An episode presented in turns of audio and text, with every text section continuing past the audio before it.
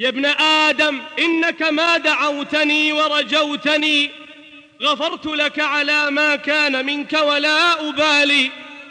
يا ابن آدم لو بلغت ذنوبك عنان السماء ثم استغفرتني غفرت لك ولا أبالي. يا ابن آدم لو أتيتني بقراب الأرض خطايا ثم لقيتني لا تشرك بي شيئا لأتيتك بقرابها مغفرة.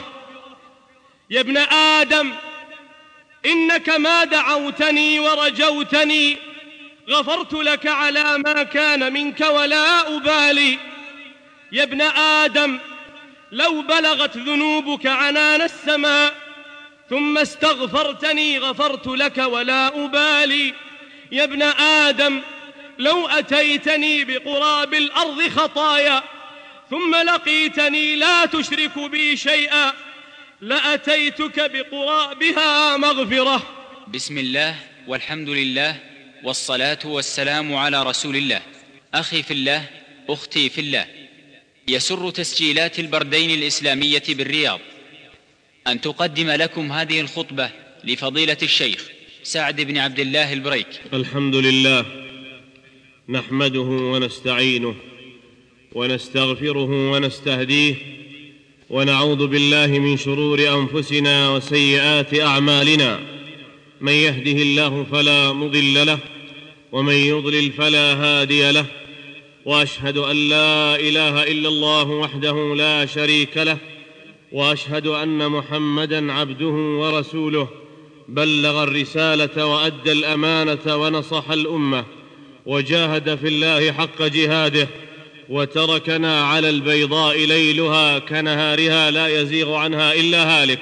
صلى الله عليه وعلى آله وصحبه وسلم تسليما كثيرا إلى يوم الدين. أما بعد فيا عباد الله اتقوا الله تعالى حق التقوى.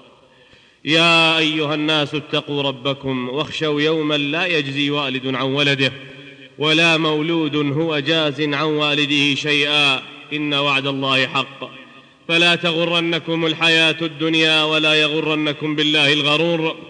معاشر المؤمنين بعد أيام قليلة نترقب حلول موسم كريم بفضائله عظيم بمواهبه جليل ببركاته وكله أيام معدودة وفرصة محدودة. نسأل الله أن ندركها ونحن في أحسن حال من الاستقامة والصلاح. لنتفيأ ظلال الهبات من الرحمات والبركات. إنها أيام محدودة وما أسرعها وتلوح في الأفق أنجم رمضان. معلنة انبثاق الوليد معلنة فتح أبواب الجنة وإغلاق أبواب النار. إنه باب من الهبات والعطايا والبركات يفتح للعباد فمن آخذ منه بحظ واجتهاد ومن مدبر محروم ليس له إلا البعد والعناد.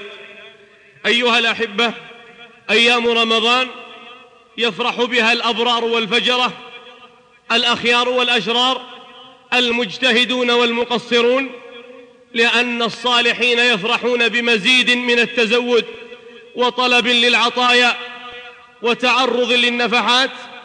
والمقصرون يتعرضون للمغفرة ويرجون تكفير السيئات ومغفرة الخطايا والزلات.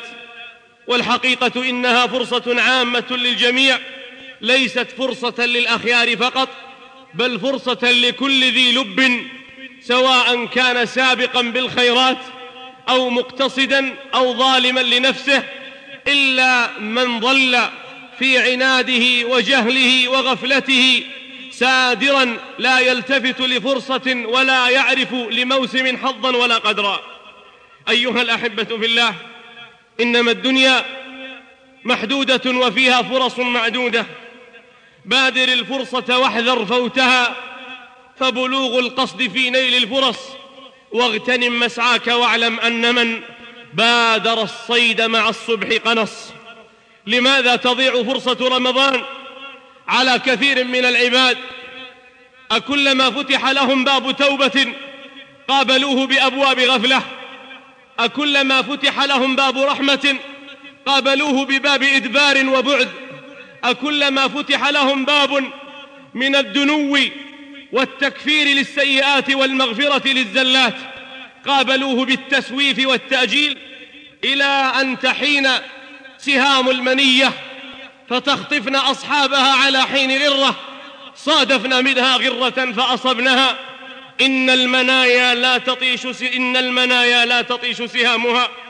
أيها الأحبة والله وتالله وأيم الله إن بلوغ رمضان وإدراكه على عافية وقدرة على العبادة لمن أعظم الفرص والعطايا والهبات. وإن كثيرا من الناس يعدون رجلا يفوز بسيارة في مسابقة أو بحفلة من حطام الدنيا في منافسة يعدونه من المحظوظين ولا ينظرون إلى المحرومين الذين تفوتهم فرص الشهر ومواهبه وعطاياه وهباته فلا يتأسون لحالهم ولا يدركون مصابهم بل تراهم لا يعرفون الفرصة إلا في رجل تسوق بألف ريال ففاز بشيء من المال أو أدرك سيارة أو ساعة أو جائزة. أما فرصة رمضان وأما جائزة رمضان وأما عطايا رمضان فالكثير من الناس عنها غافل لا يتمناها ولا يتحرق شوقا بانتظار قدومها ولا يتلهف رغبة للاجتهاد في أيامها ولياليها. رمضان بالنسبة لبعض الناس كسائر أيام السنة. لا يفرق بينه وبين غيره. اللهم إلا أنه يمسك عن الطعام والشراب لكن سمعه مفتر على اللهو وبصره مفتر على الحرام ولسانه مفتر على الغيبة والنميمة ويده مفترة على البطش بالحرام ورجله مفترة على المشي إلى المعصية ونفسه مفترة على كل خاطر خبيث يدور فيها. رمضان بالنسبة لهؤلاء مصيبة وطامة وكارثة يعالجون ألوانا من الألم والمشقة النفسية في قدومه ثم يتلهفون شوقا إلى فراقه واستقبال ما بعده. ولسان حال أحدهم رمضان ولا. هاتها يا ساقي. مشتاقة تسعى إلى مشتاق.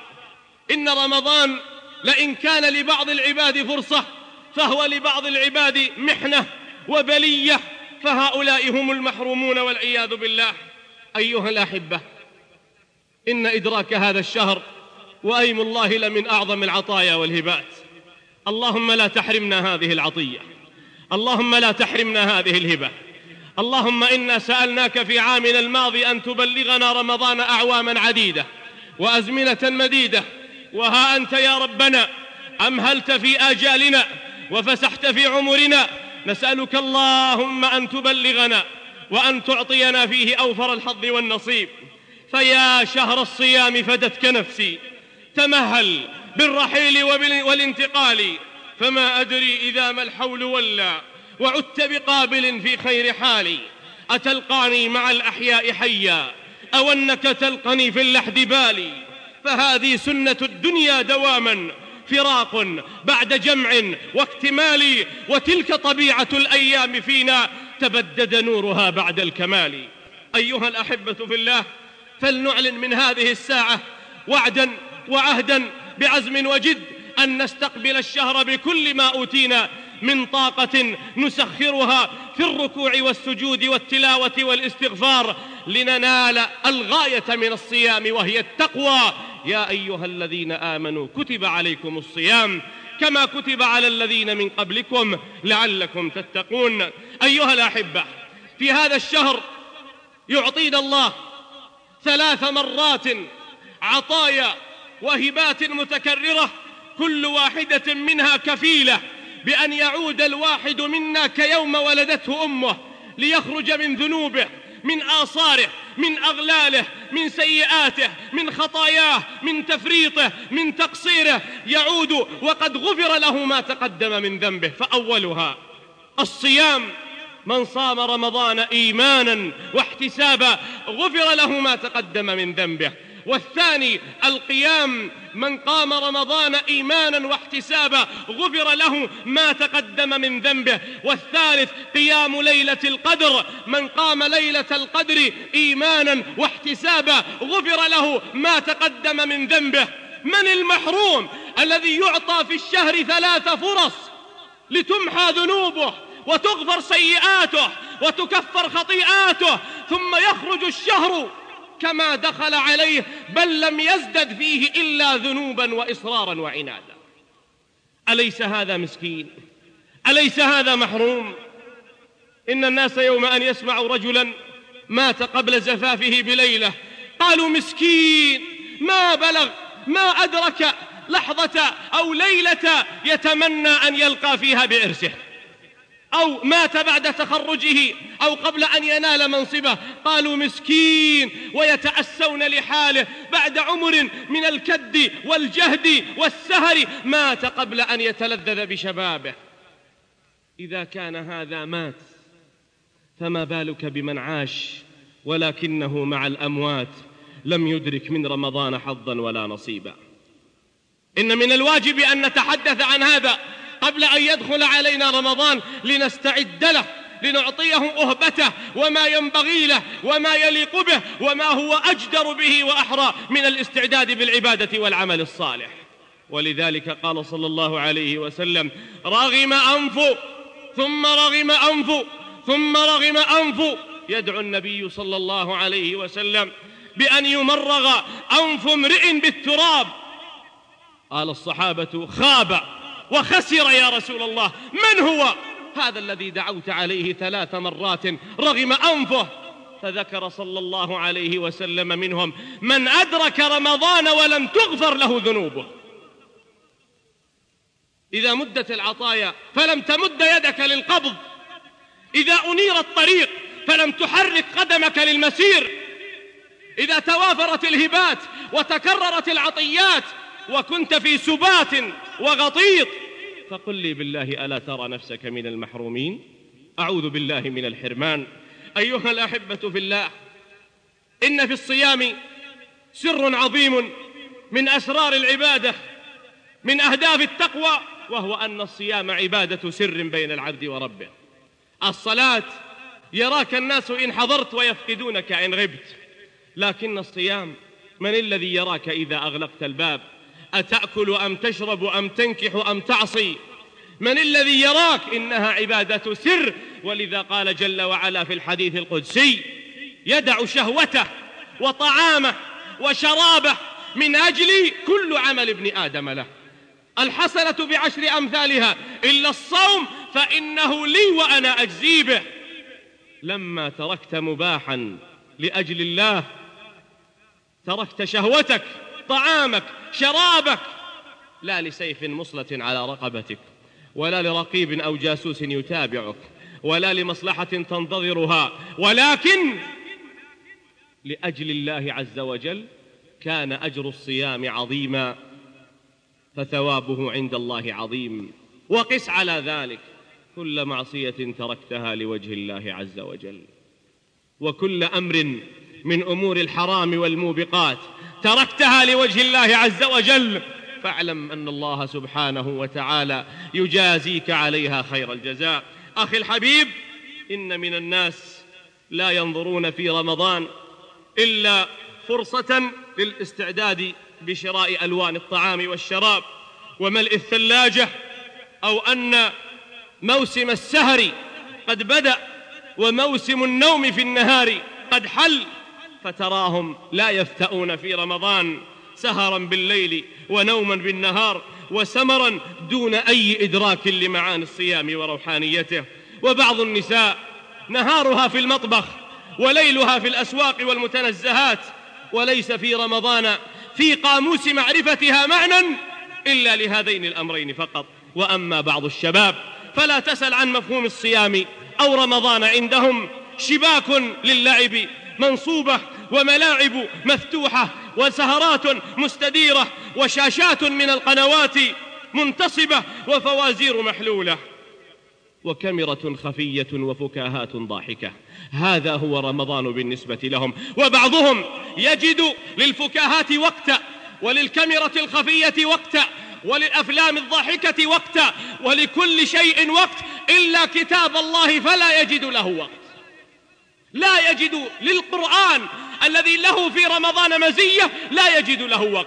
النوم قد أخذ فيه وقتا كافيا وحظا وافرا.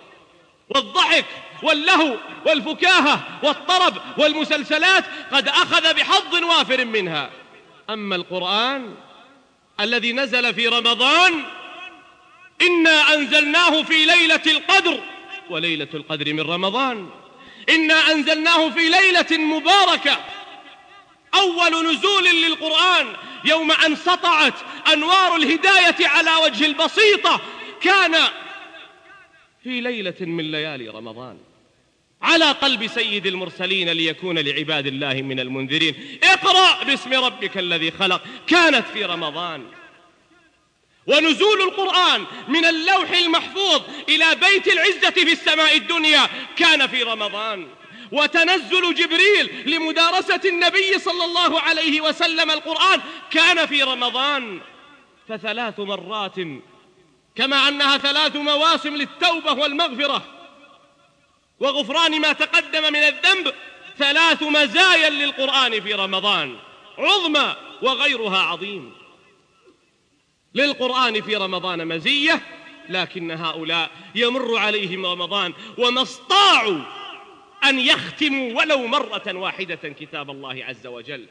لو أن واحدا جلس على المصحف ليتلو ويتدبر كما يتابع الحلقة الضاحكة اليومية لختم مرات عديدة. لكن الضحك له حظ ونصيب والفكاهة لها قدر وافي واللهو له ما يكفيه. أما كتاب الله الذي لو نزل على جبل لرأيته خاشعا متصدعا فلا حظ له عند كثير من شبابنا أو كثير من الرجال والنساء اليوم. وقال الرسول يا رب إن قوم اتخذوا هذا القرآن مهجورا. هذا من هجر القرآن. أن يهجر ليس في أيام السنة قاطبة بل في شهره ومواسم تنزله وتدارسه وفضيلته يهجر القرآن حتى في رمضان. فإنا لله وإنا إليه راجعون. أيها الأحبة في الله ينبغي أن نعلم أن حجة كثير من الناس بقولهم نوم الصائم عبادة. لا حجة لمتفيهق بهذا فهذا حديث ضعيف لا يصح عن النبي صلى الله عليه وسلم. ولو أن نوما عد عبادة فهو النوم الذي يعين على العبادة وليس النوم الذي ينام به عن العبادة وتضيع به العبادة ويغفل به عن العبادة ولا حول ولا قوة إلا بالله العلي العظيم. أيها الأحبة في رمضان موسم للقرآن وهبة من الهبات والعطايا عظيمة. فلرسول الله صلى الله عليه وسلم حين يلقاه جبريل بالقرآن يدارسه القرآن أجود بالخير من الريح المرسلة. وكان صلى الله عليه وسلم جوادا معطاء سخيا بذولا كريما. لكن إذا تنزل عليه جبريل في رمضان تضاعف الجود ليصبح سحائب من العطايا وتضاعف الكرم ليصبح أمواجا من الهبات. بأبي هو وأمي صلى الله عليه وسلم في جوده في كرمه في أخلاقه في سخائه في بذله في عطاياه وما حملت من ناقة فوق ظهرها أبر وأوفى ذمة من محمد صلى الله عليه وسلم. إذا ما الأشربات ذكرن يوما فهن لطيب الراح الفداء طيب الكف بالعطاء والبذل والسخاء. يتضاعف جوده في رمضان. وهذا أثر القرآن على الأنفس.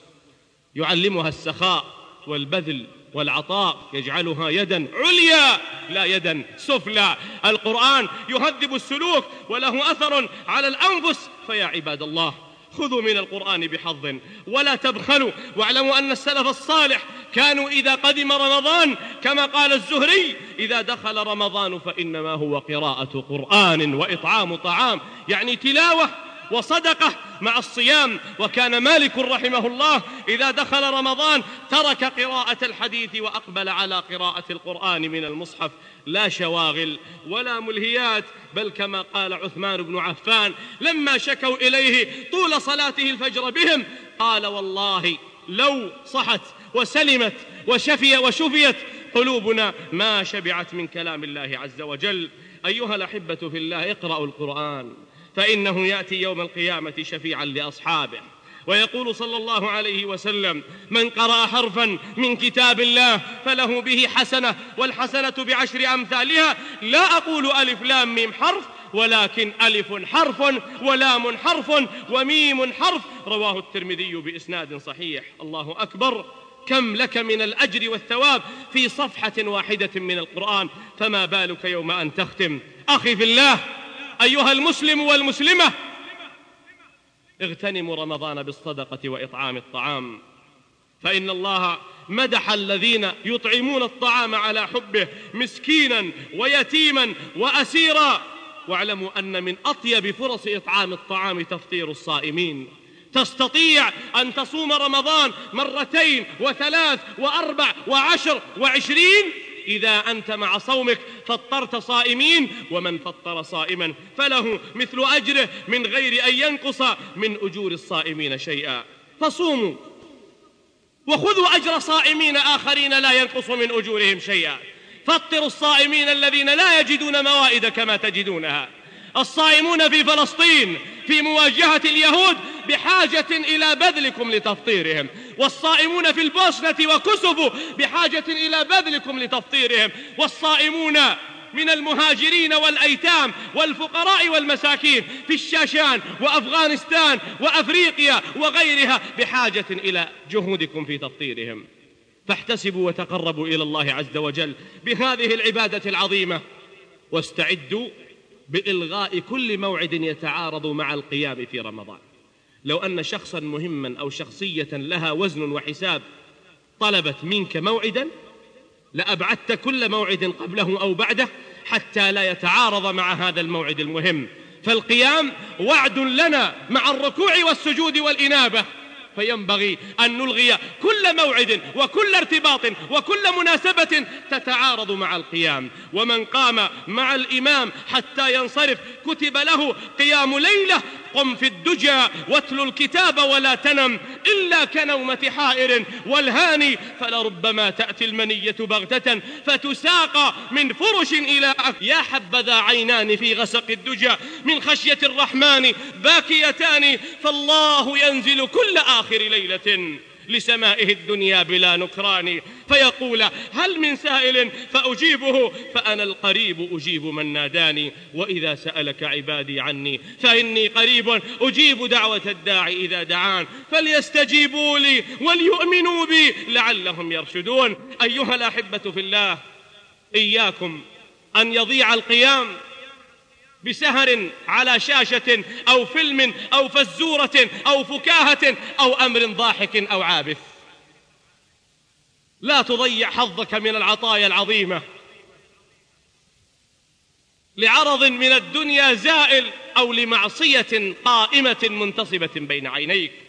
أخي الحبيب ولا يفوتنك في رمضان أن تعد من الآن موقتا موعدا مؤقتا لأداء العمرة احجز من الآن موعدا للذهاب والمغادرة والإياب لتؤدي العمرة في رمضان فإن من أدى عمرة في رمضان كان كمن حج مع النبي صلى الله عليه وسلم.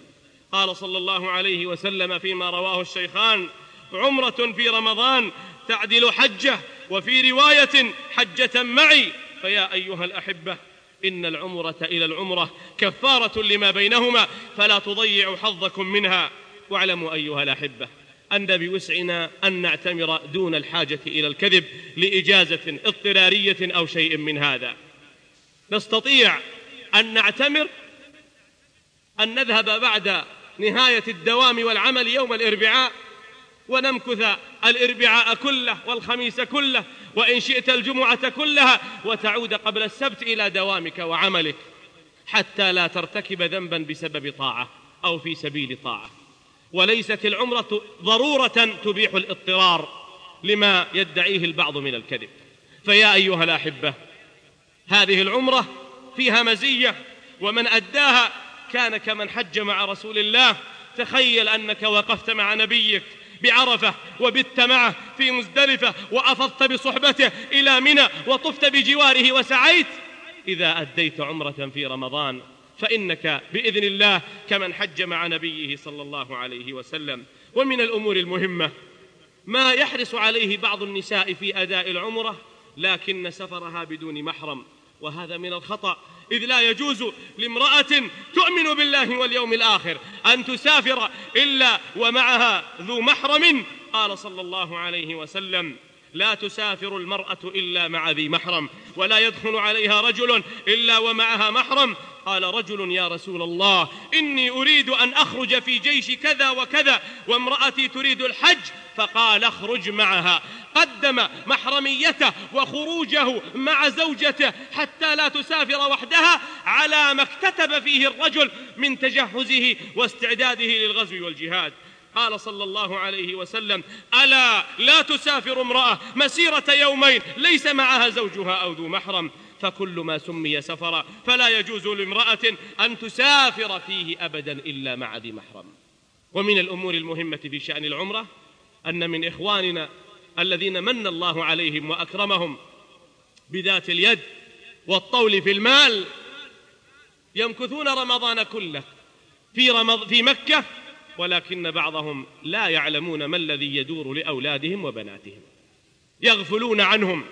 وذئاب مفترسة بجوار أسوار الحرم ربما طاشت سهام نظراتها الخبيثة وتحركت دعاوي شهواتها المنتنة من أجل الإيذاء والتسلط على إماء الله والصالحات والقانتات والحافظات.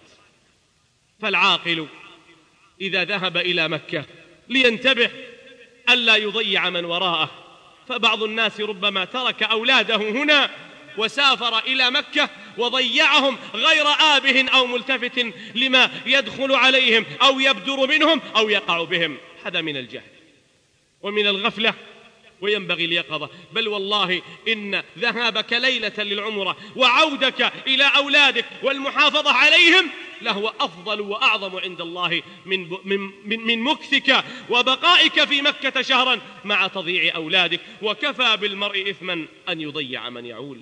أيها الأحبة في الله إن البعض يتساهل في هذه المسألة وأنا لست أدعو إلى سوء الظن والتجسس والبدار بالقول الخبيث حاشا وكلا ولكن إن الثقة لا تدعو إلى التفريط وإن حسن الظن لا يدعو إلى الإهمال سيما وقد خلت المثلات وظهرت الأدلة وانتصبت الشواهد على أناس زل أولادهم وبناتهم إما في طريق ذهاب أو إياب أو ساحات أسواق أو تسكع في طرقات والولي الصالح المتعبد المتهجد في الحرم غافلا عما يدور بهؤلاء. أيها الأحبة في الله وتعظم التبعة ويعظم التفريط إذا كان الذي قد ترك البلد وسافر إلى مكة لأجل العمرة إماما للفروض يضيع جماعته بحجة العمرة لا وألف لا.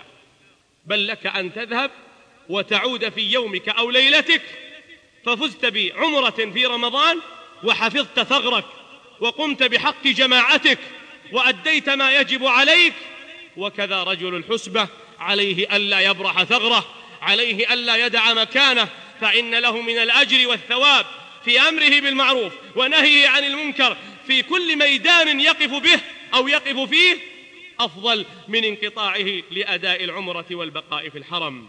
ولا تنس حظك في هذا الشهر من الاعتكاف فإن النبي صلى الله عليه وسلم كان يعتكف في كل شهر عشرة أيام أخيرة يعتكف العشر الأخيرة من رمضان ولما كان العام الذي قبض فيه اعتكف عشرين يوما. بارك الله لي ولكم في القرآن العظيم ونفعني وإياكم بما فيه من الآيات والذكر الحكيم. أقول ما تسمعون وأستغفر الله لي ولكم فاستغفروه من كل ذنب إنه هو الغفور الرحيم. الحمد لله على إحسانه والشكر له على توفيقه وامتنانه وأشهد أن لا إله إلا الله وحده لا شريك له تعظيما لشانه وأشهد أن محمدا عبده ورسوله الداعي إلى رضوانه صلى الله عليه وعلى آله وصحبه وسلم تسليما كثيرا إلى يوم الدين. أما بعد فيا عباد الله اتقوا الله تعالى حق التقوى. يا أيها الذين آمنوا اتقوا الله وقولوا قولا سديدا. يصلح لكم أعمالكم ويغفر لكم ذنوبكم. ومن يطع الله ورسوله فقد فاز فوزا عظيما. عباد الله اعلموا أن خير الكلام كلام الله وخير الهدي هدي محمد صلى الله عليه وسلم وشر الأمور محدثاتها وكل محدثة بدعة وكل بدعة في دين الله ضلالة وكل ضلالة في النار. وعليكم بجماعة المسلمين فإن يد الله على الجماعة ومن شد شد في النار عياذا بالله من ذلك. أيها الأحبة في الله ما أجمل ما أطيب ما أكمل ما ألذ ما أسعد. من يبني عمله على توبة نصوح صادقة خالصة لوجه الله عز وجل. أن نبني أعمالنا واجتهادنا واستعدادنا لكل عمل صالح في رمضان. على توبة نقدمها بين يدي رمضان. فنقلع عن الذنوب استجابة لقول الله عز وجل وتوبوا إلى الله جميعا. أيها المؤمنون لعلكم تفلحون. يا أيها الذين آمنوا توبوا إلى الله توبة نصوحا. التوبة يا عباد الله ليست عملية معقدة وليست عناصر كيميائية وليست أمرا من الطلاسم لا يفهم. التوبة أمر سهل يسير مبذول متاح لا يحتاج إلى اعتراف أو كرسي إقرار. إنه إقلاع عن الذنب. وندم على ما فات وعزم على عدم العود إليه وإرجاع الحقوق والتخلص إلى أهلها.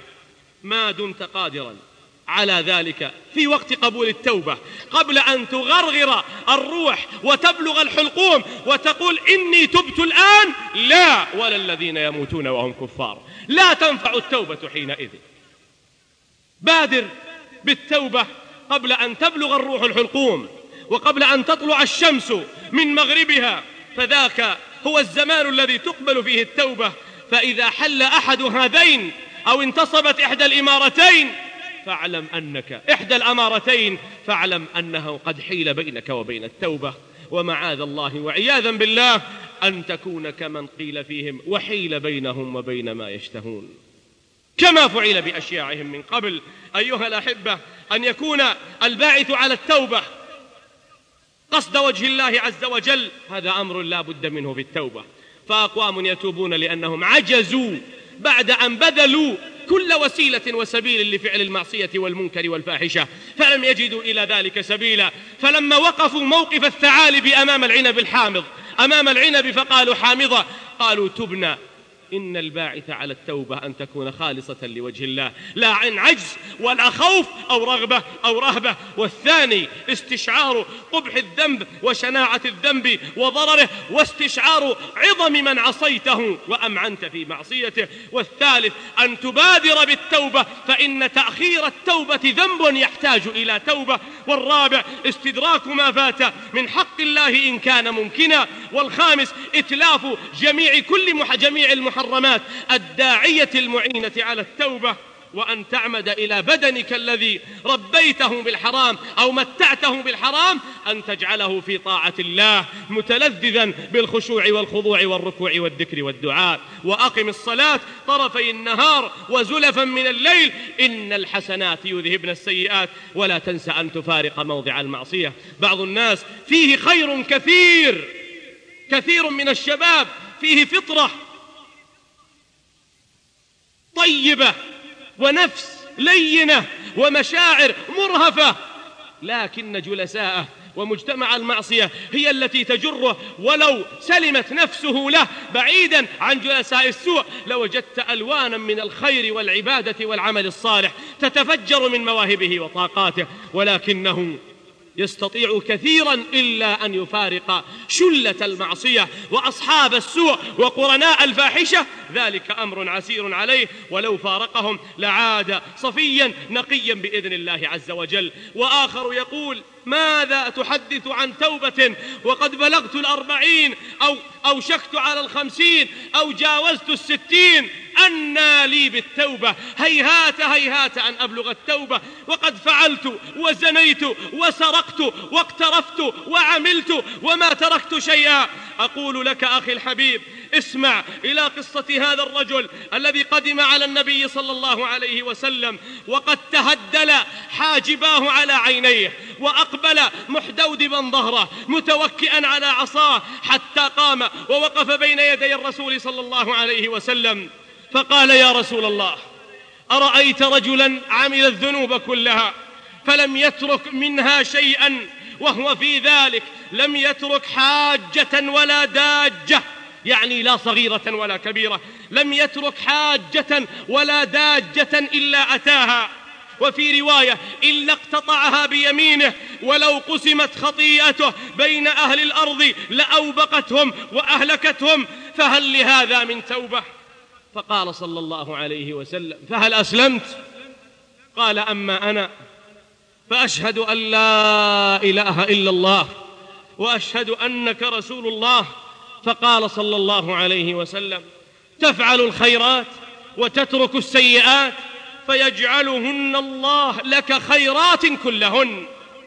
فقال الرجل الكبير الطاعن في السن الذي شاخ وشاخت معه ذنوبه وكبر وكبرت معه سيئاته. قال ذلك الرجل يا رسول الله وغدراتي وفجراتي. فقال صلى الله عليه وسلم نعم وغدراتك وفجراتك وغدراتك وفجراتك يجعلهن الله لك خيرات كلهن. الله أكبر. فقام الرجل موليا وهو يقول وغدراتي وفجراتي يجعلهن الله حسنات فأدبر وهو يكبر يا عباد الله. أيها الأحبة إن ربنا عظيم وكما أن الله عظيم في ذاته فهو عظيم في رحمته وكما أن الله عظيم في قوته وجبروته فهو عظيم في حلمه وكما أن ربنا عظيم في علمه فهو عظيم في مغفرته.